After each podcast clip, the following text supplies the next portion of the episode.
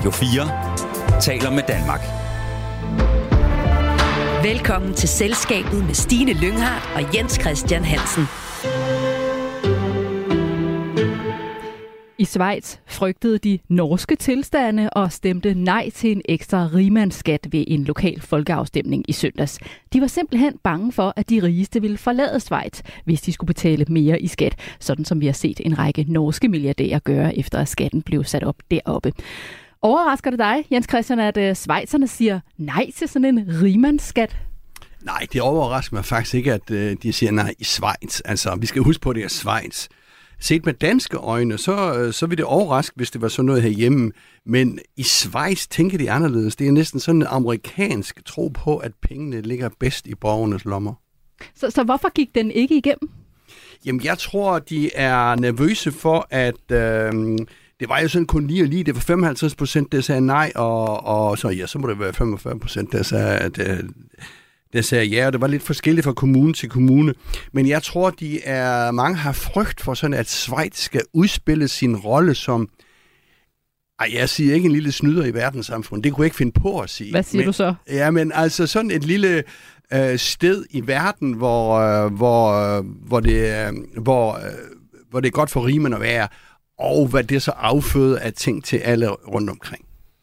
Men Schweiz er ikke det eneste land, der taler om at beskatte de rigeste yderligere. Det skal vi tale om her i Erhvervsmagasinet Selskabet i dag, og senere skal vi også se nærmere på en rig dansk virksomhed, nemlig Novo Nordisk, som rider på en bølge af succes i takt med, at efterspørgselen på deres nye fedmemidler bare stiger og stiger. Vi skal tale om, hvor stor Novo Nordisk i grunden er blevet, og om virksomheden kan blive for dominerende og magtfuld. Det vender vi tilbage til senere. Men først vil jeg byde velkommen til vores erhvervspanel. Det består i dag af Balder Johansen. Hej Balder. Hej. Du er daglig leder i byggefirmaet Logik og Co. Og ved siden af dig har vi Peter Supli Benson. Hej Peter. Hej. Du er nordisk korrespondent hos Berlingske. Velkommen til selskabet. Radio 4 taler med Danmark. Og vi begynder i Schweiz, hvor en del millionærer i og omkring landets næststørste by, Genève, ånder lettet op efter en lokal folkeafstemning i søndags. Her skulle indbyggerne altså tage stilling til, om de rigeste skulle betale en ekstra skat de næste 10 år. En ekstra solidaritetsskat blev den kaldt. Men 55,12 procent sagde nej til forslaget om at forhøje rimandsskatten fra 1 procent til 1,5 procent. Et forslag, som vil ramme dem, der har en formue på mere end 3 millioner schweizerfranc. Det svarer til ca. 23 millioner kroner, skriver både Berlingske og Finans på baggrund af en artikel fra det amerikanske nyhedsbureau Bloomberg. Peter, hvad siger du til forslaget?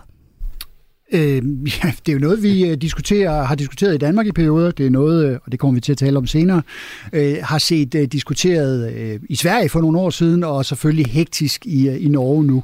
Øh, og når jeg kigger på Schweiz, så, øh, så kan jeg faktisk ikke lade være med at bare lige øh, tage en ekstra ting ind fra højre, nemlig diskussionen dernede om, øh, hvordan håndterer vi Ukraine-konflikten, altså som Schweizer, øh, hvor de jo også holder sig er jo et neutralt land, øh, siger de. Øh, I stedet for har de så russiske blodpenge i øh, milliardklassen i bankerne, og de vil ikke levere ammunition, som kan blive brugt i Ukraine. De vil ikke levere våben, som kan blive brugt i Ukraine. Og for mig så, øh, så summer det sammen øh, et land, der kæmper virkelig, virkelig stedigt for at bevare en, en, en egenhed og øh, en uafhængighed og i virkeligheden er uhyrligt gammeldags, fordi de ikke forstår, at de indgår i en symbiose, som bliver udfordret hårdt i øjeblikket. Hvorfor tænker du, at det er så vigtigt for Schweiz? Altså, når det gælder pengene, så er der jo ikke tvivl om, at det er blevet et voldsomt øh, rigt øh, land, baseret på, at de har taget imod penge fra enhver og det kan Alle. vi godt tillade os at sige, uanset om det er gamle diktatorer fra Argentina, eller om det er øh, gamle, øh, jeg var lige ved at sige fyr, fyrstinder, det er det så ikke, Imelda Marcos fra, fra Filippinerne, der vist også havde penge dernede på et tidspunkt. De tager imod alt. Og så først de seneste år har vi trods alt set presset af krav, blandt andet fra USA, og presset af et internationalt krav om, at man skal, man skal stramme op og vide mere om, hvad det er for nogle penge, der kommer til, hvad det er, der put, bliver puttet i boksene. Men det gør ondt på dem, fordi i virkeligheden, så er det jo fundamentet bag den rigdom, som er så voldsom dernede. Også for i virkeligheden den almindelige borger. Og der er jo så flere steder i verden, der er fokus på, om de rigeste skal beskattes yderligere, Jens Christian. Hvorfor er det, der er det større fokus på det? Jamen altså, jeg tror også, det er den der snak om den der ulighed, og mm, nu snakker vi ikke om Danmark, fordi der er også ulighed i Danmark, yes. Men det er den der store globale snak om ulighed, og øh, du kan se, det er jo en diskussion, vi også har i kapitalismens hjemland USA, hvor jeg tror, det er de 100 eller 200 rigeste, der siger, beskat også noget mere. Vi har også enkelte i Danmark, der siger, beskat også noget mere. Og som Peter nævnte, Norge. Øh, så det er, altså, det er sådan en international tendens med, at den der proportionalskat skal være øh, stejlere eller større, eller hvad du vil. Altså dem, der tjener rigtig mange penge, øh, øh, skal, øh, skal betale mere skat, fordi altså man siger, lønmodtagerskat er en del, men kapitalskat er noget andet. Og hvad kan man sige, hvis du arver penge og bare får afkast på din, øh, på dit, øh, på din kapital, jamen hvor meget bidrager det så til samfundet? Det er sådan en større diskussion der, som er ved at vinde frem, også i høj grad i forbindelse med den franske, var han økonom eller filosof, Piketty, som jo kom med en meget provokerende bog her for 3-4-5 år siden. Ja, og som, og som du også er inde på, så er der jo nogle af de her rigeste, hvis formuer bare står og vokser og vokser, og det er ikke nødvendigvis, fordi de bare knokler og knokler på deres arbejde. Nej, altså det er jo selvfølgelig, øh, fordi de har, eller selvfølgelig og selvfølgelig kan vi ikke sige, men altså arv, og det er jo fint med arv, men det er jo ikke noget, du gør dig fortjent til, eller det er ikke noget, der nødvendigvis bidrager til mig. Nu får jeg nok en hel masse på nakken, hvis jeg ikke siger, at kapital bidrager til noget. Men der er altså en del af den kapital, som er lidt død kapital, som bare står og bare gør folk rige, øh, og, og, og som ikke bringes ud i cirkulation i samfundet. Balder, mener du, at der sådan generelt set er brug for at beskatte de rige yderligere? Nå, men ja, hvis man nu bruger vi altid beskatning som et udtryk, og det kan selvfølgelig lyde forfærdeligt, fordi vi som danskere måske tænker, hej, det er mange penge, eller det er sådan dyrt for os. Så det er meget svært for almindelige mennesker at sætte sig ind når vi siger beskatter nogen. Men det, som jeg tror, det er, hvis vi kigger på de udfordringer, vi står for globalt i hele verden, både med internationale konflikter, med klimakrise, med sult og fattigdom, og hvordan er pengene flyttet rundt, så har vi nok ikke råd til at lade alle de her penge gå døde, eller blive investeret i, i, i, i produktioner, som er dårlige for jordens klode. Så på en eller anden måde bliver vi jo nødt til at tage dem, fordi vi kan jo ikke, man kan ligesom ikke sige, hvorfor har nogen mere end andre? Vi har fået en jordklode, og engang har vi rundt som nogle stenaldermennesker og ejet alting til fælles sammen med dyrene. Og nu, jamen, hvis man skal være sådan lidt... Men nu er vi 7 milliarder, eller måske endda 8 milliarder snart, ikke? Som, som skal være her alle sammen. Og hvis nogen er meget, meget rige, så er der også nogen, der er meget, meget fattige. Og der er også noget, der bliver, der er også nogen, der tørker rigtig meget. Der er også nogen, der, der bliver oversvømmet meget sådan nogle ting. Så jeg tror slet ikke, vi har råd til at tænke sådan der mere. Jeg tror simpelthen, vi er nødt til at tage alle de midler, vi har, hvis vi overhovedet vil have en klode at bo på om 30 år, vores børn skal have et sted at være. Så jeg tror, vi skal tænke på noget nyt, og så kan folk kalde det beskatning eller tyveri, eller hvad vi vil. Jeg har det bare sådan, der er ikke nogen værdier på jordkloden, der ikke er vores allesammens, og derfor skal vi dele dem, som de er. Men, men Balder, er det de rigeste, der så skal bidrage yderligere, eller er det os alle sammen? Jamen, de rigeste har ikke noget at bruge pengene til, fordi du skal have mad, og du skal have søvn, og du skal have et hus at bo i, og det koster et eller andet, men du har ikke, de sidste penge har du ikke brug for. Så, så hvis vi snakker om de, de rige, som er rige som personer, hvis vi snakker om virksomheder, som skal lave forbedring på jordkloden og, og lave erhvervsliv og investere sådan nogle ting, så er det en anden form for rigdom, for det er jo den, der kører rundt. Men det er jo alle de der rigdom, og specielt når vi snakker om Schweiz med alle de her sådan, faktisk stjålede penge, der ligger gemt i skattekisten. Det kan vi hvad, hvad mener du med det? Jo, men der er, der er jo ført mange penge ind. Altså, de der diktatorer har jo stjålet dem fra statskasser. Og der, altså, der, hvem, alt... hvem taler du om her? Jamen, der, der, altså om de diktatorer, som gemmer deres penge i Schweiz, og alle de andre Cayman Islands, de steder, hvor de, hvor de skjulte penge, 20. penge, Altså dem, der stjæler de danske skattepenge og 12 milliarder kroner i, i aktieudbytte, som ikke fandtes og alt sådan nogle ting, det er jo stjålne penge, kan vi ikke sige det? De lever jo de her steder her. Dem kunne vi det mindste få. Så starter vi et sted. Så tror jeg, vi vil have rigtig mange penge til at starte en omstilling. Men de penge, som ikke bliver brugt og ikke er i drift, dem bliver vi nødt til at tage. Og så kan vi kalde det skat, eller hvad vil jeg kalde det, en form for protek- hvad hedder sådan noget? Når og, staten tager tingene. Og hører jeg dig sige, Balder, at det er ligesom alle, der skal give det, de måtte have til overs. Hvis vi skal være 8 milliarder på jorden, og vi ikke vil have flygtningestrøm, og vi ikke vil have borgerkrig, og vi ikke vil sætte i gule vest, og hvis vi ikke vil have krig som i Ukraine og sådan ting, så skal vi, ja. Hvad siger du, Jens Christian? Ja, altså jeg vil bare lige sige, at øh, jeg tror, at øh, nu ikke om øh, Balder synes, at det kun er de rige, og hvad er de rige, hvordan definerer vi dem? Jeg synes, øh, hvis det er det store spørgsmål, så, synes så tror jeg nok, vi skal bidrage alle sammen. Men lad det nu ligge. Problemet, fordi ellers er jeg jo enig i, at vi har jo et globalt, vi snakker jo sådan meget op i helikopterperspektiv nu, vi har et globalt, et globalt problem med mange ting. Uh, og det, som er problemet, kan du sige, det er jo, at landene konkurrerer indbyrdes om at øh, få skatterne ned og få øh, så mange rige mennesker som muligt. Altså, du kan jo ikke lave sådan en, en fælles verdensbeskatning, det er i hvert fald sindssygt svært, fordi noget, der er, øh, øh, som, er øh, som de enkelte lande har, har ret til, det er hele beskatningsdelen, også i EU for eksempel. Ikke? Der er jo ikke en fælles beskatning i EU. Så, så det der med skat, det er meget med, at landene konkurrerer indbyrdes, og det er ingen tvivl om, at Schweiz her øh, holder jo skatten dernede, fordi de kan jo tiltrække, der er jo også en hel masse danske rigmænd, der bor i Schweiz, og jeg ved ikke, hvor meget de betaler i skat, Uh, men uh, jeg tror ikke, det er så meget. Uh, så, så, så Schweiz konkurrerer på skatten, kan du sige. Og de vil gerne tiltrække de her rige, og så længe der ikke er en, en, en fælles øh, skattesat, så vil de rigeste altid søge derhen, hvor der er mindst, man skal betale skat? Ja, det er det. Nu nævnte Balte også lige Cayman Island, og vi har jo set rulle op de sidste skattelylande, eller de der store sager fra skattelylandene uh, de sidste år på grund af whistleblower-ordninger og, og og alle sådan nogle ting. Så der bliver gemt rigtig, rigtig, rigtig, rigtig mange penge rundt omkring. Og hvis vi ellers tror på et beskatningssystem for ligesom at betale de fælles udgifter, så skal alle jo bidrage, altså nu tænker jeg alle lande øh, og alle, øh, hvad skal man sige, befolkningsgrupper. Peter Supli? Nå, der, der, er bare, der er sådan et mini-kosmos på en eller anden måde, der for mig indrammer, hvor, hvor, hvor uhyrligt det her i virkeligheden er på nogen måde. Det er jo, og det er London, øh, som vi ved øh, fra 15-20 år tilbage er øh, pludselig oplevede en strøm af stadig rigere øh, russere, som rykkede til byen, øh, og som øh, dels, øh, hvis de ellers kom med et x antal øh, millioner øh, pund, så fik de, kunne de få et statsborgerskab. Øh, der kunne de altså bare købe sig til det. Til gengæld så kom de altså med nogle penge, øh, som så har været med, medvirkende til, at, at ejendomsmarkedet i London er, nogen vil sige kollapset, men i hvert fald eksploderet i vildskab, og nu kollapser det så, fordi at russerne er tvunget til at rykke videre, fordi der så pludselig er nogle myndigheder, der på grund af Ukrainekrigen griber ind. Øh, så, så, så London viser for mig, hvor usundt det er, når penge kan også kan gå ind og diktere, øh, hvordan man bliver behandlet som enkelt øh, individ eller enkelt borger.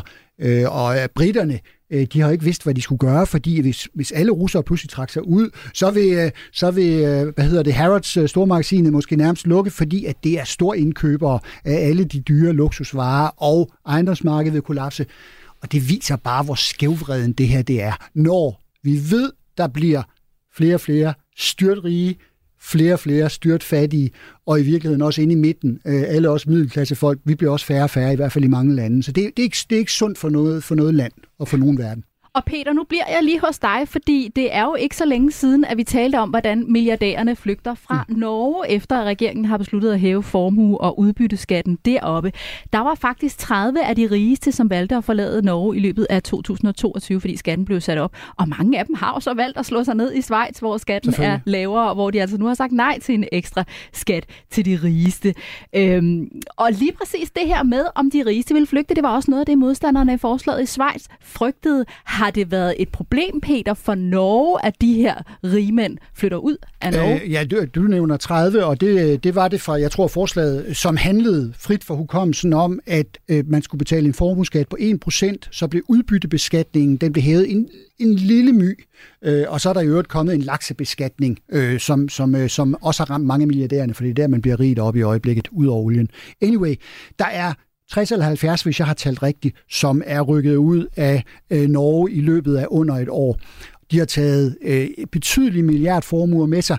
Øh, de bruger også, øh, og det er for mig næsten det grimmeste, øh, en finte, som, som de norske myndigheder ikke har kunne håndtere, nemlig at man formelt overdrager formuen til børn, som så bliver flyttet til Schweiz, bliver statsborger i Schweiz, mens ofte far, øh, fordi sådan er det øh, af nogen uansagelige grunde, bliver tilbage med de stemme, med, med de stemmetunge øh, aktier, eller en enkelt stemmetunge aktie, så bestemmer han stadigvæk det hele. Man kan sidde hjemme i Norge og leve det gode liv, mens, øh, mens øh, børnene er sendt til Schweiz for at beskytte øh, formuen. Gør det ondt på den øh, norske øh, statsøkonomi? Nej, det gør det da ikke i en olieindustri eller en olieøkonomi som deres, men det gør ondt på selvforståelsen, og derop diskuterer du jo også i stor stil, hvad betyder det for vores image udadtil i forhold til at tiltrække folk, der har lyst til at komme herop, øh, skabe virksomheder, øh, skabe vækst af forskellige slags. Øh, jeg tænker ikke, det gør det store. Jeg synes, det er synd for, for Norge, at de mister de her. Jeg synes, det har åbnet for en tiltrængt diskussion om, øh, hvor, hvor pengene flyder hen, og hvordan man håndterer dem rent beskatningsmæssigt. Det synes jeg er en sund diskussion, som har været lukket i mange år, også i Danmark i øvrigt. Øh, så, så, så det har været ok set fra, set fra, hvor jeg sidder og kigger. Balder, forstår du godt, hvorfor de her nordmænd har valgt at forlade Norge og tage deres formue med sig? Jamen, jeg har aldrig forstået mennesker, der opfører sig sådan der. Har I set den der serie, der hedder Exit, om de der rige, rige milliardærer fra Norge? Og den er bygget på sande historier. De er jo syge i hovedet. Prøv altså, bare lige at sige to ord om, hvad den handler ja, men det handler om et, et, et, et misbrug af kvinder, misbrug af stoffer, misbrug af liv og misbrug på alle mulige måder, hvor man, hvor man tænker, at det der det findes kun i rockerverdenen og sådan nogle steder. Det er ikke sundt for mennesker at have så mange penge. Det er simpelthen usundt. Altså, det er min holdning, at det er usundt, og det er sådan en helt forkert tankegang om, at vi skal stå og snakke om, så flytter de, så flytter de, så gør vi. Jeg har sådan der undskyld, hvis de skulle flytte et sted hen, så var det måske i fængsel. Fordi de har, de har lukreret på, jamen det har de jo, altså jeg ved på, der er kriminal... Du bliver aldrig rig, hvis ikke der er et eller andet form for kriminalitet indblandet i det.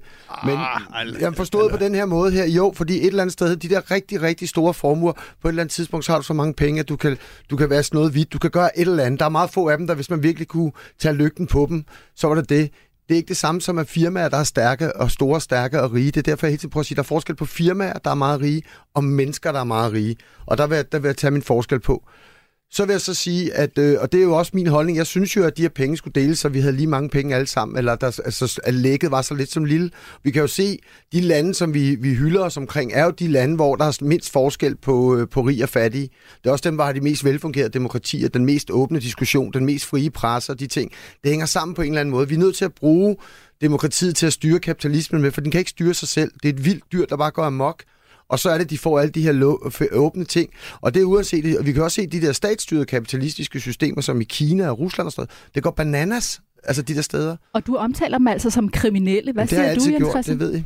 Ja, men altså, Balder, jeg forstår godt dit, uh, dit, uh, dit, uh, dit synspunkt, men jeg synes lige, vi skal uh, skælne her mellem kriminelle og uh, hvad skal man sige, folk der er blevet... Nej, altså folk der er blevet rige på de regler, der nu engang er. Det er rigtigt. Og det, Altså min påstand er, nu tager jeg den lidt den anden kasket på, det er jo, at langt, langt den overvejende del af dansk erhvervsliv, hvis nu holder os til dansk erhvervsliv, øh, følger, følger reglerne. Men, men selvfølgelig er det jo stadigvæk sådan noget med, at der bliver ophobet noget kapital, fordi reglerne er sådan kapitalafkast og sådan noget, og så videre, og så videre.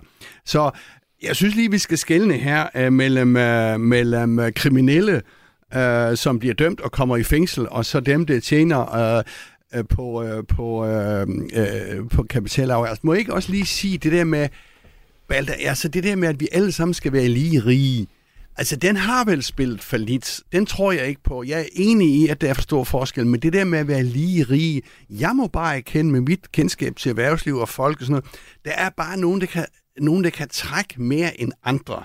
Mm. Uh, de har ikke ret til mere end andre på den her liv, men det kan trække mere end andre, som så kan føre noget mere med sig. Altså, der er nogen, der er mere innovative og øh, øh, har øh, idéer til at sætte ting i gang. Så kan man kritisere mange af de idéer, men det er altså, ja, undskyld, jeg siger, det er forskel på folk. Ja. Valter, vi kan altså ikke alle sammen være lige, siger Jens Christian. Jamen, jeg, jeg er helt med, og det, og det synes jeg, altså, jo, vi skal i hvert fald være lige på den måde, vi alle sammen bliver opfattet som lige, lige mennesker. Og så kan vi økonomi, for det gør mig ikke så meget om folk. Altså, jeg har ikke sådan et eller andet med, at du har en bil, der er større end min. Altså, det er slet ikke der, problemet ligger.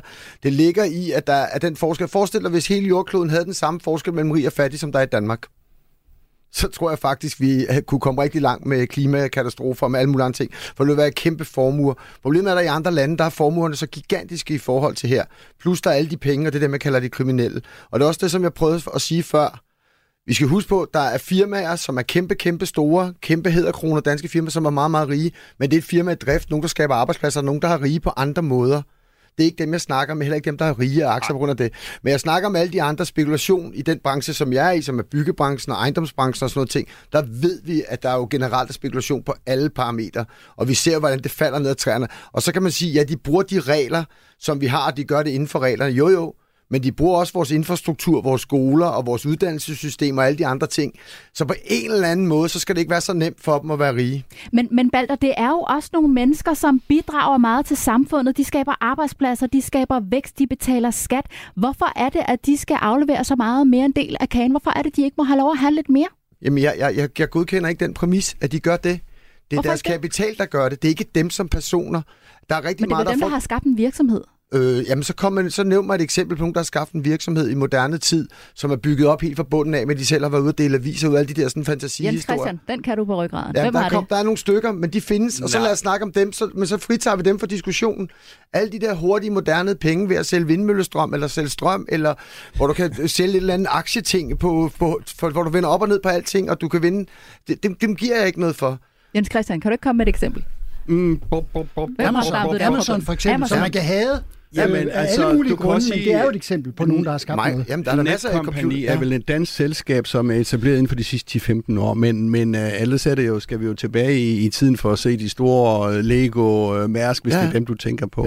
Ja. Uh, jeg synes lige, jeg vil sige noget Du kan vende tilbage. Du markerer bare, hvis... Øh, men uh, det uh, kan ikke have Altså prøv at, jeg synes jo, den her diskussion, den, øh, den, den har for mig en eller anden overligger, nemlig at jo mere åbenhed der er omkring øh, pengeforhold, beskatningsforhold øh, internationalt, jo lettere er det i virkeligheden at sørge for, at tingene foregår rigtigt. Og jeg tænker, det er, en, det, det er en del af forklaringen på, at det går så forfærdeligt galt.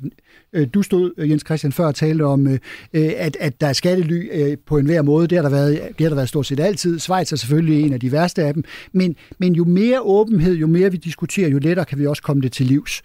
Så du ikke bare hvad kan skal, glemme hvad skal åbenheden nytte? Så kan, Jamen, du det ikke, er så, altså, man, så kan du ikke gå i skjul. Øh, Nej. Det er da virkeligheden det. Og det er vel det, vi snakker om her, det er jo, at, at, at, at der skal være lige, hvad skal man sige, jeg tror sagtens, folk kan acceptere, at øh, nogle er rigere end andre, også meget rigere. Det tror jeg ikke har problemer. Men vi skal ligesom bebyrdes med de samme skatter forholdsmæssigt. Altså vi har jo en, øh, en idé om i den vestlige verden, at du betaler proportionalskat, det vil sige, at de tungeste skuldre skal bære de største byrder. Og sådan er alle sammen enige om. Og så er der så nogen, der, der snyder ved at lægge det væk. Så jeg er meget enig. Transparens, som det så smukt hedder, eller gennemsigtighed. Okay, du tjener 100 millioner. Hvor meget har du betalt i skat til samfundet? Det er det, vi snakker om jo. Og lige så let det er at sige, lige så svært er det føre ud i livet, mm. fordi at det her det er også en konkurrence på at hive penge til øh, øh, små øh, øer i, øh, i Karibien eller øh, engelske kanaløer. England eller Storbritannien er forfærdelige på det her punkt i virkeligheden.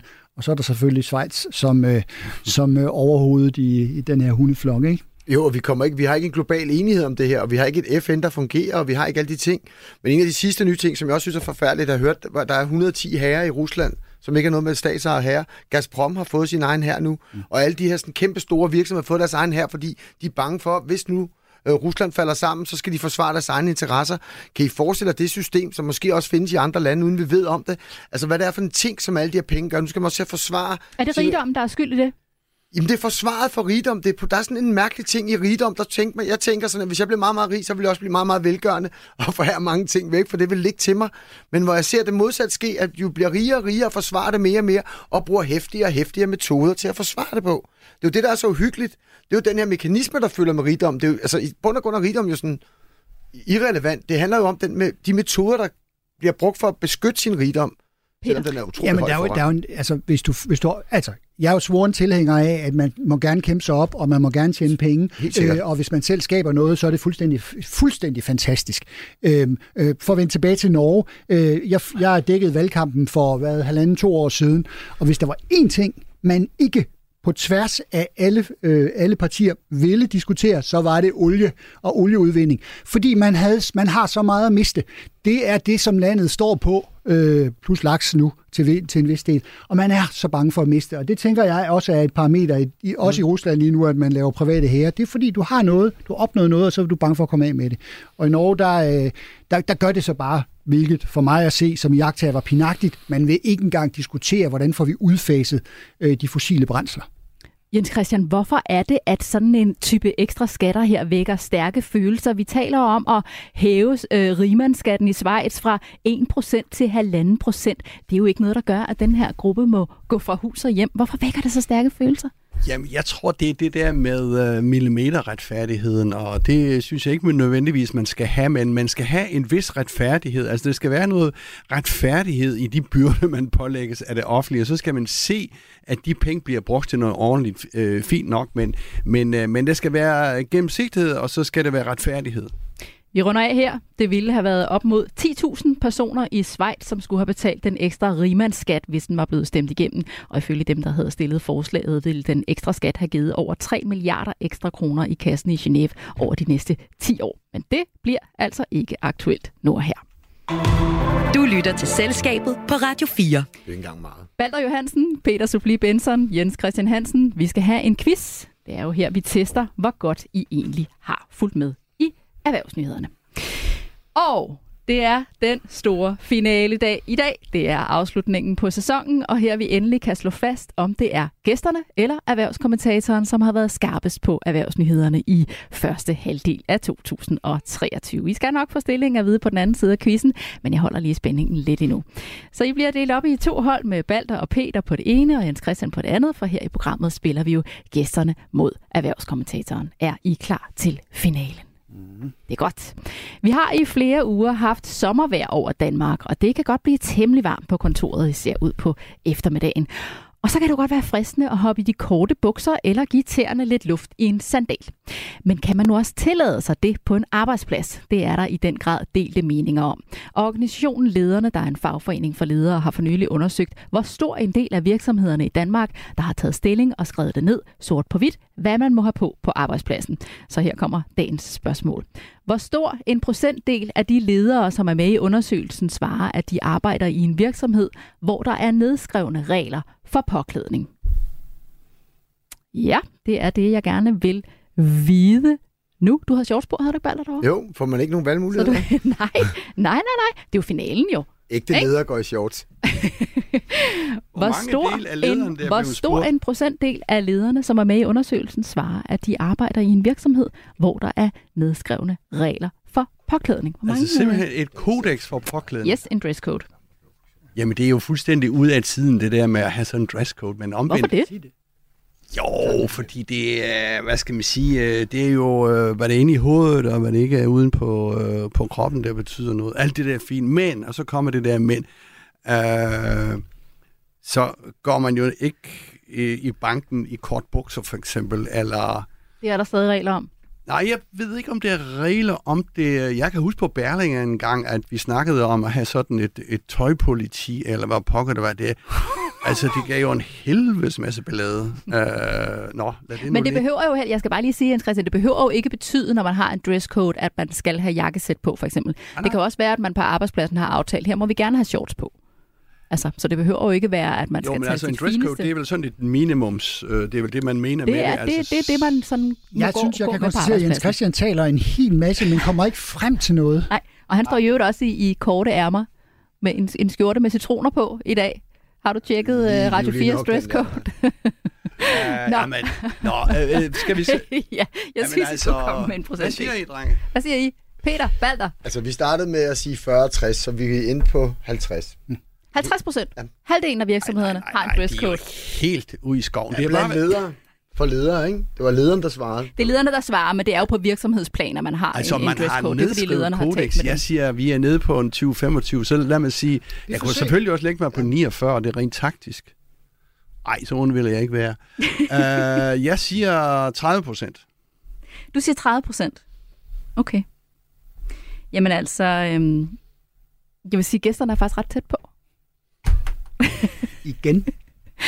Øh, det er, øh, du, må, du må ikke forlade studiet, Jens Christian. Du må gerne blive. Øh, det er 44 procent af lederne, som svarer, at de arbejder i en virksomhed med en dresscode, skriver TV2. Altså næsten halvdelen. Og tallet var faktisk noget lavere, da lederne lavede samme undersøgelse i 2021. På det tidspunkt var det kun 27 procent af virksomhederne, der havde indført regler. Så må jeg spørge dig, Jens Christian, er du lidt overrasket over det? Ja, det er jeg faktisk meget overrasket over. Jeg er godt klar over, at der er sådan nogle historiske betinget øh, om, nu snakker vi om bank før, før i tiden. Jeg kan huske i Mærsk, ikke? der må du skulle da have slips på indtil her for et-to år siden, og så smed direktionen pludselig slipset.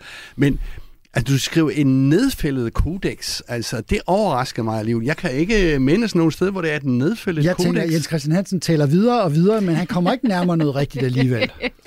Nå, men øh, det var da godt, så vandt vi på vegne af alle de andre gæster. Ja. Balder, har I en uh, dresscode ude på byggepladsen? Øh, sikkerhedssko. Sikkerhedssko. Ja, Det er Og ellers bare bar rumpet, eller hvad? det tror jeg gerne, folk måtte have. Øh, Hjelm, sikkerhedssko, briller, hvis det er nødvendigt. Hvad med inde på Berlingske, Peter? Er der dresscode? Nej. Det er der ikke. Der er nogle, der er nogle uformelle diskussioner om, øh, kan man komme i shorts for eksempel, hvis man skal til et pressemøde. Ja. Øhm, Hvad synes du selv? Mit, mit svar, da jeg var chef for en, for en, for en flok på businessredaktionen, der var mit svar klart nej. Og hvis ikke man havde råd til at købe, At man ikke må komme i shorts til Ja, pressemødet? og hvis man ikke havde Ja. råd til at købe bukser, så ville jeg gerne finansiere dem. Ja, hvorfor må man ikke det? Nej, men det er et spørgsmål om, vi skal komme som journalister og være neutrale og ikke stikke ud, og det må ikke være den måde, vi ser ud på, eller øh, som, som kortslutter et interview i virkeligheden. Så vi, der skal, der, det, det, det øh, mente jeg ikke, det var... Så heller ikke kjole på? Mændene? Øh, I dag tror jeg faktisk godt, man måtte det. Det tror jeg ikke, jeg stillede op og sige, man Du har ikke ret. Men undskyld, jeg pinder lidt i det her. Altså, en nedfældet kodex, en af, det er jo det, øh, som Peter siger der. Altså, hvis du er journalist, så kommer du ikke ud til et pressemøde oh, på en sportsredaktion måske. Men altså, der finder du ligesom ud af, hvad, hvad, hvad, hvad kulturen er, eller hvad du øh, vil kalde sig noget. Men en nedfældet kodex, altså, øh, hvis det er fakta, så benægter jeg fakta. Det er jo en undersøgelse, du godt lederne har lavet. De har du talt med nogle er ledere. Men, men som jeg også sagde før, Jens Christian, det behøver jo ikke betyde, at man skal have sit stive til pus på. Det kan jo også være, at man har aftalt på en arbejdsplads, her må vi gerne gå i sandaler, her må vi gerne gå i shorts. Men at man ligesom har taget snakken om, hvad, Jamen, man, ligger en hvad der er i orden her på. i de ikke? fleste virksomheder, tænker jeg, men en nedfældet kodex, øh, nedskrevet kodex, der ligger i personalemappen, det er overraskende. Det er, det er halvdelen af virksomheden. Jeg Det er faktisk- meget overraskende. Jeg vil opfordre programlederen til, at vi nu skal videre i det her spørgsmål, for Jens Christian kommer ikke nærmere på noget rigtigt. Men jeg kom til at tænke på, hvad med så om 15-20 år, når, der, når vi har fjernet øh, pronomer og alle mulige øh, kønsrelationer, vi kan gå i det tøj, vi kan gå i, og jeg kan komme med flætninger og alting er sådan der. Så hvad, altså, kan I, men kan I ikke se det for jer? Fordi det er jo den vej, verden går lige i øjeblikket. Jamen, så er det vel det, man skriver ned i sin dresscode, Jamen, at man men- må, hvad man vil. Tror det, ja, tror ikke, det kommer til. Jeg tror, det bliver det normalt, at folk kan komme det i, gør man, man i skriver belangstrømpe, hvis de har lyst til Ej, det. Hvorfor tror du egentlig, der er flere, der laver dresscode, Balder? Øh, Altså, det er fordi, uanset om det er det jamen, det er, fordi andet. der altid sker lige præcis det her med, at nu er der nogle ret kraftige forandringer i vores måde at se på køn og sådan nogle ting på i verden lige i øjeblikket. Og så er der nogle modreaktioner, og lige om lidt, der kommer det tilbage igen. Og nu stoppede du med at tale, fordi du kunne se, at jeg lige forlod bordet, men det var simpelthen, fordi jeg lige skulle ned og hente nogle præmier. Nå, Det var okay, ja. altså øh, Jeg gæsterne. tænkte, du var gået under bordet og tænkte, okay, det er godt nok jeg sommerdag i dag. Det var altså øh, gæsterne, som vandt dagens quiz, og det betyder, at vi nu er klar til at kåre en vinder af selskabets quiz. Ja, kan vi få en trommerhjul? Det er godt. Det endelige resultat er 13-8 til gæsterne. Godt gået. Og der kommer lige en lille pose med lækkerier herovre på den anden side. Ej, og dejligt. selvfølgelig også en lille trøstepræmie til dig, Nej, Jens en Christian. lille cognac. Du har fået Den har du brug for. Anton Berg. Du, øh, Jens Christian, du kæmpede en uh, brav kamp. Er der noget, du har lyst til at sige til vinderne? Uh, ja, tak. Altså, jeg er jo stor nok til at lade dem vinde, som har brug for det. Nej, altså, jeg synes jo, at øh, det er et stærkt panel, vi har hver gang herinde, ikke for noget. Det er det. Øh, og de ved meget, og de følger med, og så det, er- det er en Du havde fornøjelse. brugt matematikken, ikke? Du havde 8 point, og vi havde 13, ikke? Og vi er altid dobbelt så mange som dig. Så teknisk set har du vundet. Jeg synes nu også, du har været knivskarp, Jens Christian. Men tillykke til vores dygtige gæster her i selskabet. Du lytter til Selskabet på Radio 4. Og det er altså her i programmet, vi stiller skarpt på ugens store erhvervsnyheder sammen med vores gæster, som selv kommer fra erhvervslivet eller følger det tæt. Dagens erhvervspanel består i dag af Balder Johansen, som er daglig leder i byggefirmaet Logik og Co. Peter Sopli Benson, der er nordisk korrespondent hos Berlingske. Og så har vi også selskabets faste erhvervskommentator Jens Christian Hansen med i panelet. Og jeg hedder Stine Lynghardt. Nu skal det handle om en af de helt store virksomheder i Danmark, nemlig Novo Nordisk, der for nylig kunne præsentere et milliardstort overskud. Novo Nordisk startede som insulinproducent for 100 år siden, men har i dag også bevæget sig ind på et nyt marked med deres midler mod fedme, og, de har sendt aktiekur- og det har sendt øh, aktiekursen på himmelflugt, mens milliarderne altså ruller ind.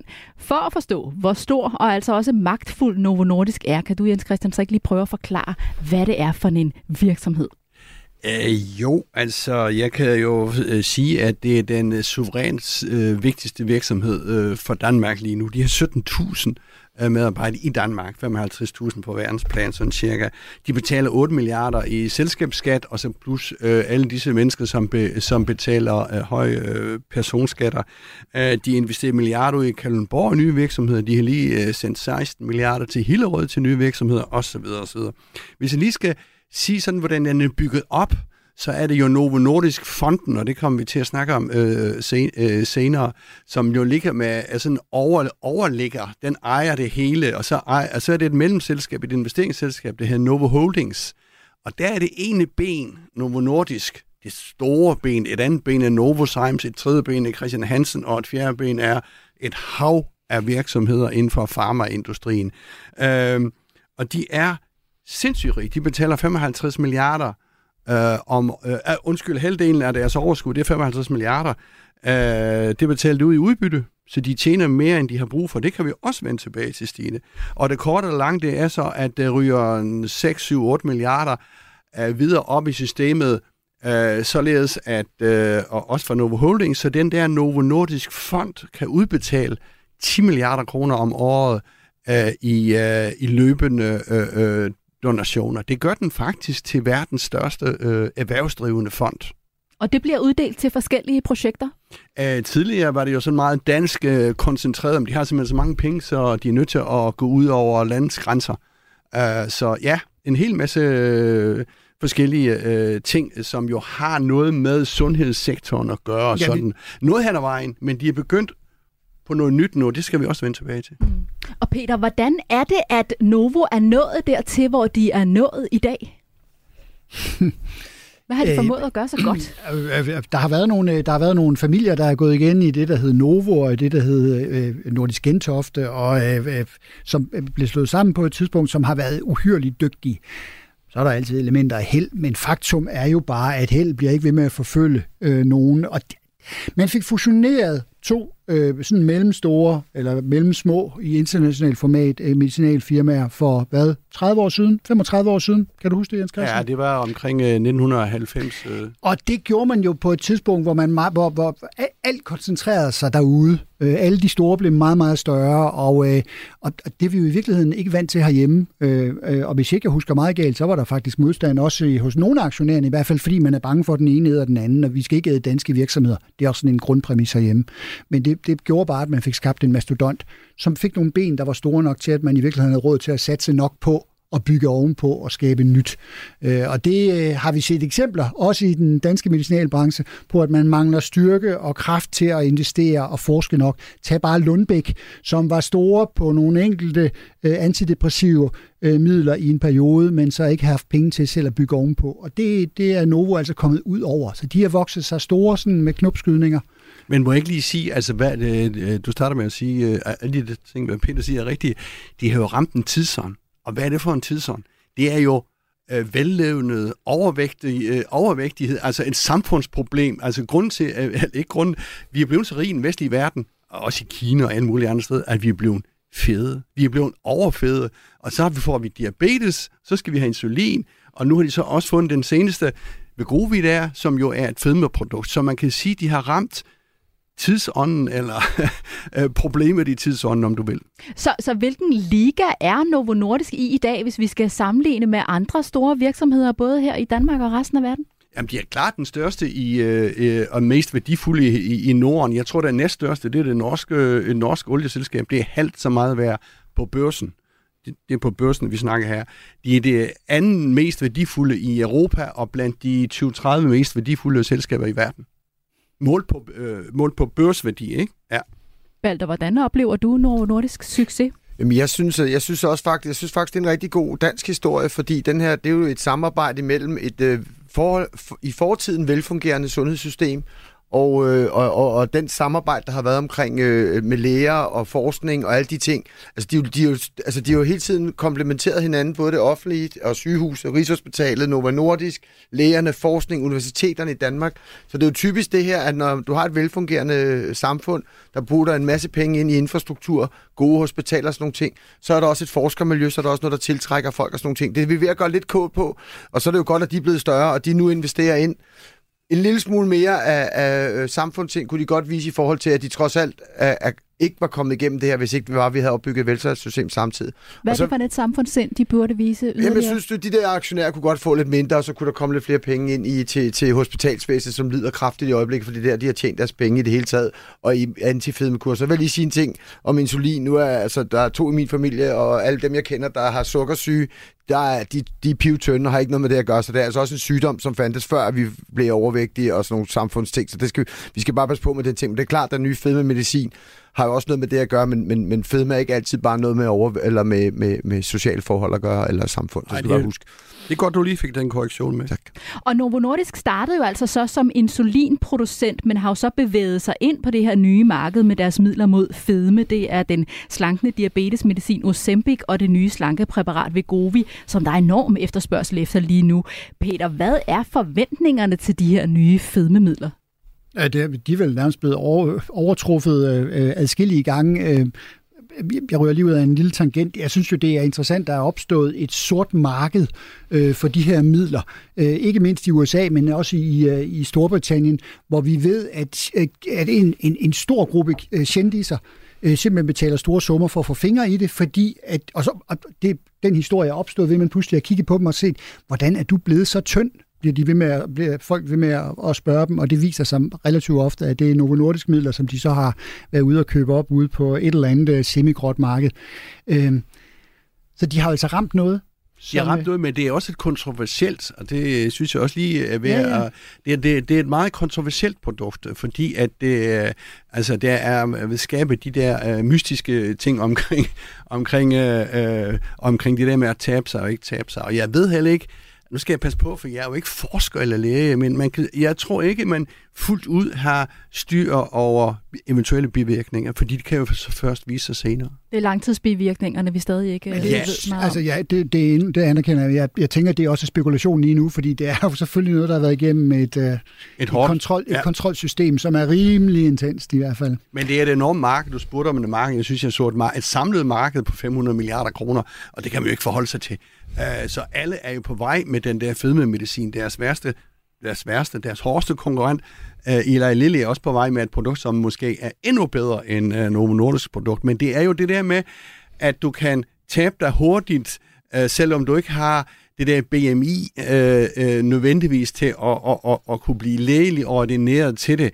Øh, og, og så kommer det der store spørgsmål, hvorfor skal det offentlige være med til at finansiere noget af det? Mm, altså i form af, af, af tilskud. Af tilskud. Og, og præparaterne er jo på kort tid blevet meget populære, men de er jo altså også, som vi hørte her, de er dyre. Sidste år kostede det regionerne 580 millioner kroner i tilskud til de cirka 80.000 borgere, der fik Ozempic, hvilket svarer til 10 procent af regionernes samlede udgifter til medicintilskud, skriver DR.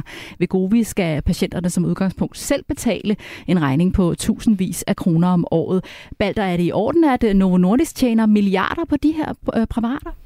Jamen, det kan man sige om medicinalindustrien generelt, og der, der, der, kunne man, der kunne man godt lige regulere nogle af de der priser i forhold til, når de sælger til fællesskabet i hvert fald.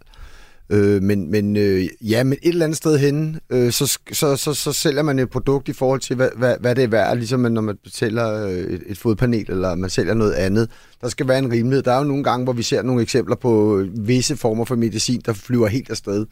Øh, og så skal man sige, at jo hurtigere de kan få deres forskningsudgifter trukket tilbage, dem har de nok ikke tjent hjem endnu, men det kommer nok lige om lidt. Så er de ved at have, for det har jo taget dem, altså det har taget dem 40 år at lave det her, tror jeg, noget af den stil, der, for de startede i det små. Det er i hvert fald noget, de har tænkt på, altså det der fedme, antifedme medicin har jeg da i hvert fald hørt om, lige siden jeg var en lille dreng, så jeg tænker, at det er noget, der er blevet brugt rigtig mange penge på, også for brugt. Men nej, jeg synes ikke, jeg synes ikke det er offentligt. Jeg synes også, vi måske skal tage en snak om, hvad er det egentlig taget for et produkt, vi bruger? Og rigtig mange af dem her, som har det her, det er jo folk, der har et rimeligt, øh, de har et, et rimeligt nederen liv fordi at de er i, i samfundets betegnelse er overvægtige. Måske skulle vi også begynde at snakke om, hvorfor er det, vi synes det, hvad er det for nogle, øh, nogle ting, vi sætter op, hvornår kommer det her ud af vridning på, om at det er, fordi vi har et, øh, et kropsideal, som vi så kan præparere med et præparat, som gør nogle andre mennesker rige, eller hvornår er det, vi rent faktisk har nogle mennesker, som lever usundt. Fordi Og de det har... er jo tiltænkt dem, der sådan er svært overvægtige. Det er jo det, det er tiltænkt til, og det skal det også for, og det skal jo forebygge andre sygdomme og sådan nogle ting, så det, altså, altså, ja, pff, det er da svært, ikke? Jens Christian. Jamen altså, jeg synes, vi er inde på noget meget interessant her. Altså, jeg også øh, har skrevet rigtig meget om øh, Novo, og jeg synes, det er en fantastisk, øh, og man bliver stolt af, og, og det ene og det andet og det tredje. Men vi må også godt til at diskutere den prissætning, der er på disse, øh, øh, på disse produkter. Jeg kunne jo godt forestille mig, øh, at man ligesom siger, okay, du skal have penge til din forskning. Den er dyr. Lad os sige, et produkt koster måske 5-10 milliarder kroner at udvikle. Og så skal du også have penge til at forske i de produkter, som slår fejl. Fair nok. Øh, og derudover skal du så have noget til aktionærerne. Men at det er en fri øh, prissætning, der, den synes jeg er helt hen i skoven. Det er ikke bare noget, jeg synes.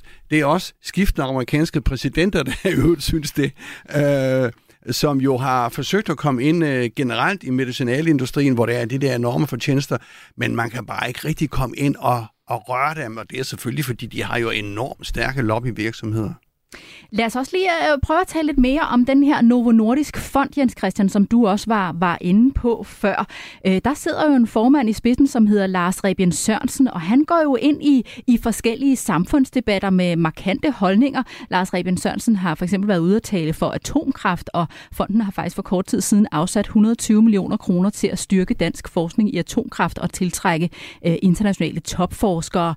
Øh, Peter, hvorfor er det, at, at han i nogle tilfælde går ind i nogle ret øh, kontroversielle debatter? Øh, I virkeligheden, fordi han er blevet så stor, som han er, og står, øh, står op på toppen af en pengetank. Og når du har penge, så har du også magt og indflydelse, og så er der politikere og alle mulige andre, der lytter til dig. Øh, jeg, jeg synes jo, på den ene side synes jeg, det er absolut befriende, at der er erhvervsfolk også øh, og Lars Rebien, øh, han har jo gjort det mere og mere, også efter han stoppede med at være udøvende, altså øverste sådan daglige chef for, for Novo. Og så kan man ligesom tage et andet helikoptersyn. Jeg synes, det er befriende, at han går ind og tør tage de diskussioner, fordi man får øretæver for det. Og på den anden side, så, så, så kan man med rette diskutere, hvor meget skal virksomheder, og hvor meget skal det, at private har store kapitalformuer øh, øh, øh forsamlet, give den øh, magt og indflydelse, fordi det påvirker jo en diskussion, for eksempel om atomkraft i Danmark, på samme måde som, øh, som man også i, i Novo Fond og Holding øh, har investeret stort i, i covid, covid-forskning, øh, accelererende her selvfølgelig under den krise, vi har været igennem. Og det er jo også noget, der går ind og potentielt i hvert fald påvirker en folkelig diskussion. Øh, og han gør Novo det, øh, fordi de øh, har blå øjne, eller gør Novo det, fordi de ultimativt vil tjene nogle penge på det, eller, eller hvad pokker ligger om bagved. Så, så det er lidt ligesom skattediskussionen. Vi skal kunne tale åbent om det. Hvad er bevæggrundene for, at man flytter sig ind i det her? Og Balder, som, som Peter også er inde på her, så bliver fonden jo en form for politisk aktør på den her måde. Skal en fond som Novo Nordisk Fonden være det, synes du? Øh, det er jo sådan set meningen med fonde øh, så kan man så være uenig med, med meningen, men det er noget helt, så kan vi diskutere den, ikke?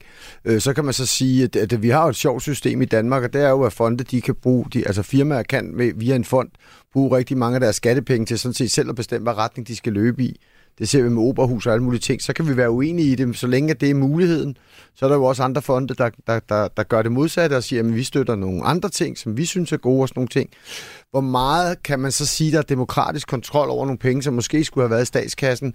Man kan sige, at dem, der sidder og styrer statskassen, de er altså heller ikke til at råbe på raffer, så jeg, jeg er sådan, altså det er sådan lidt, det, det er sådan et dilemma for mig, det her, fordi jeg synes jo, at det øjeblik, at pengene i hvert fald er under en eller anden ting med, at der ikke er bare nogen, der fyrer dem af på, på undskyld, jeg siger det, på, på nøgne damer og kokain, ikke? Så, så har det sådan der, hvad hedder det, så har det sådan der, så, så, så, så sker der noget for godt for vores samfund.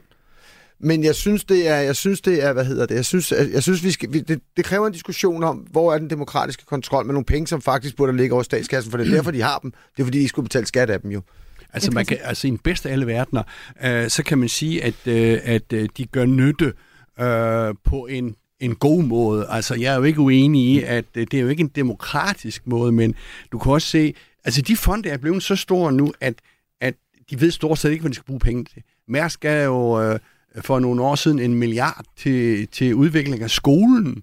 Altså et socialt... Øh, øh, mm. øh, altså, og, og det er jo sådan set fint og godt alt sammen. Øh, Novo Nordisk Fonden har også øh, givet nogle penge til undersøgelse af indvandring og sådan noget, om de kunne være med til at finansiere nogle lejre rundt omkring, eller øh, et eller andet, så de afsøger alle mulige, de kommer længere og længere ud i samfundet, og, og spiller den der vigtige rolle som en social, øh, en social øh, aktør, kan du næsten sige. Peter? Ja, og i USA så er det, øh, så er det navngivende øh, rige mænd, som laver præcis det, som mm. fonde herhjemme går rundt og gør. Altså, når Bill Gates han, øh, han laver fonden, og tidligere var det sammen med ekskonen, hvad var det, Melissa? Melinda. Melinda, undskyld, ja. Øhm, så bedriver de jo tung, tung, tung politik, øh, øh, og her, det gør de derovre, og her der er det altså... Øh, der er det ikke privatpersoner, så er det fondene, der gør det. Men, men, men resultatet og indvirkningen og indflydelsen og påvirkningen af os og politikerne, det er jo den samme i virkeligheden. Men vi skal også huske på, at det, nu, det er fordi mange folk de er forvirret over det her med fonde, fordi vi også har ordet kapitalfond. som er noget helt andet. Ja, så det er hvis- noget helt andet. Så det vil jeg bare lige, hvis der sidder nogle lytter derude og tænker, ja. hvorfor, hvorfor, hvorfor kan man synes noget af det her, det er godt? Det er jo nogle fonde, som er sat på jorden for at skulle, skulle, skulle være, lave noget samfundsnyttigt eller samfundsgørligt.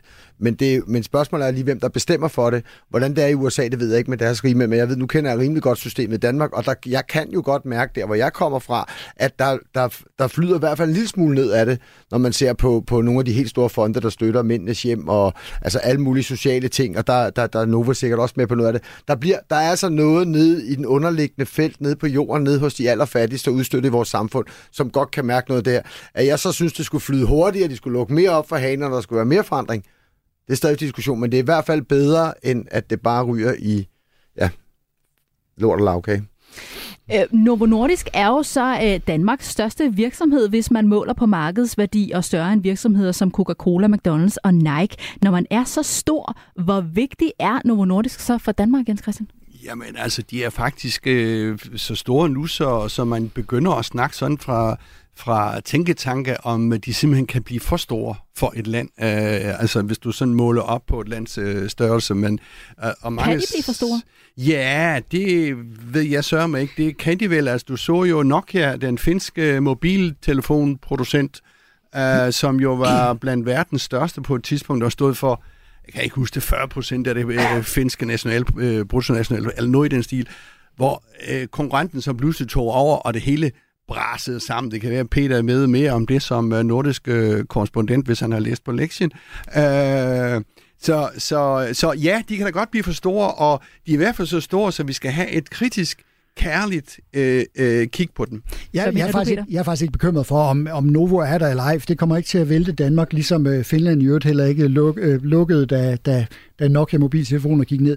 Der, der, der, for mig der er der nogle eksempler igennem historien, og en af, en af dem, jeg selv har været med til at skrive temmelig meget om, det har været Mærsk jo, som på et tidspunkt og i flere omgange har været inde med deres mange ansatte øh, og dermed store, øh, fordi de er en stor arbejdsplads i ryggen, og med deres skattebetalinger i ryggen, har kunne diktere politik, for eksempel på skatteområdet. For eksempel på støtte til skibsværfter igennem 70'erne og 80'erne.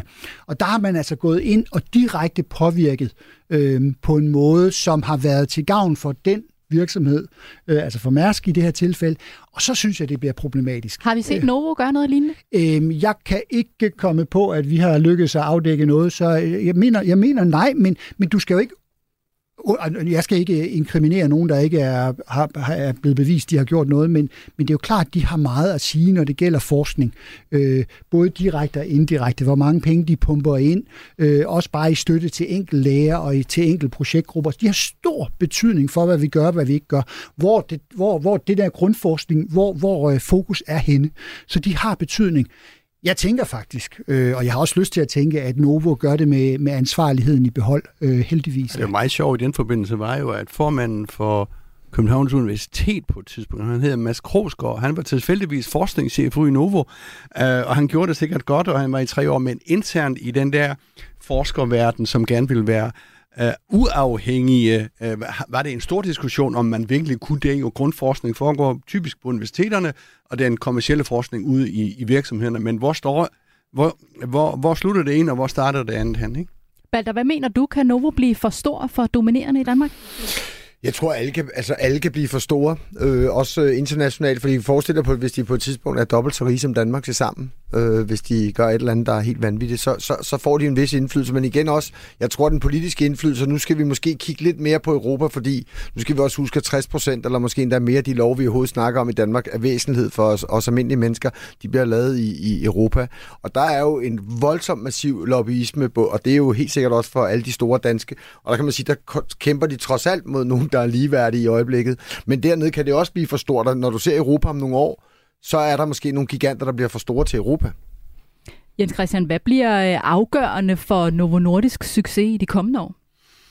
Ja, det bliver måske noget hen ad vejen der, at de hele tiden kan forsvare deres berettigelse. De var jo først med en tredobbelte bundlinje med CSR og 100 og bæredygtighed. Alle de der fine ord, som de har fået meget kredit for, og som også har trukket øh, stor del af erhvervslivet. Ikke? Men altså, altså, de ser ud til at kunne klare sig rigtig, rigtig godt øh, fremover, når vi bliver øh, tykkere og tykkere, men de skal jo hele tiden øh, øh, være øh, up to date. Altså, øh, de der øh, øh medicinalprodukter kan du højst få patent på i 20 år, og så løber det ud. Øh, så, så de skal være på stikkerne.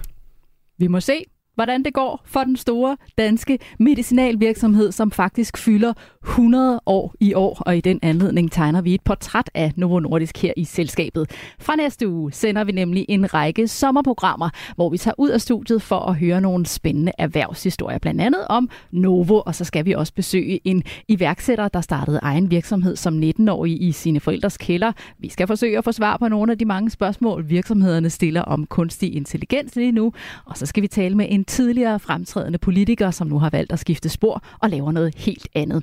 Og så skal vi også ud og besøge en dansk virksomhed, som er ved at udvikle en ny generation af atomkraftværker. Det glæder vi os rigtig meget til, så husk at lytte med de kommende uger, og programmerne kommer selvfølgelig også til at ligge i Radio 4's app, eller der, hvor du normalt finder dine podcast, så du kan lytte til dem lige når du har lyst. Her og nu runder vi af for i dag. Tak til vores gæster, og tillykke med, at I vandt vores erhvervsquiz. Balder Johansen, daglig leder i byggefirmaet Logik og Co. og Peter Subli Benson, nordisk korrespondent hos Berlingske. Jens Christian, vi mødes ude i det danske sommervejr på næste onsdag. Programmet her var produceret af Beam Audio Agency for Radio 4. Tak fordi du lyttede med. Radio 4 taler med Danmark. Du har lyttet til en podcast fra Radio 4. Find flere episoder i vores app, eller der, hvor du lytter til podcast. Radio 4 taler med Danmark.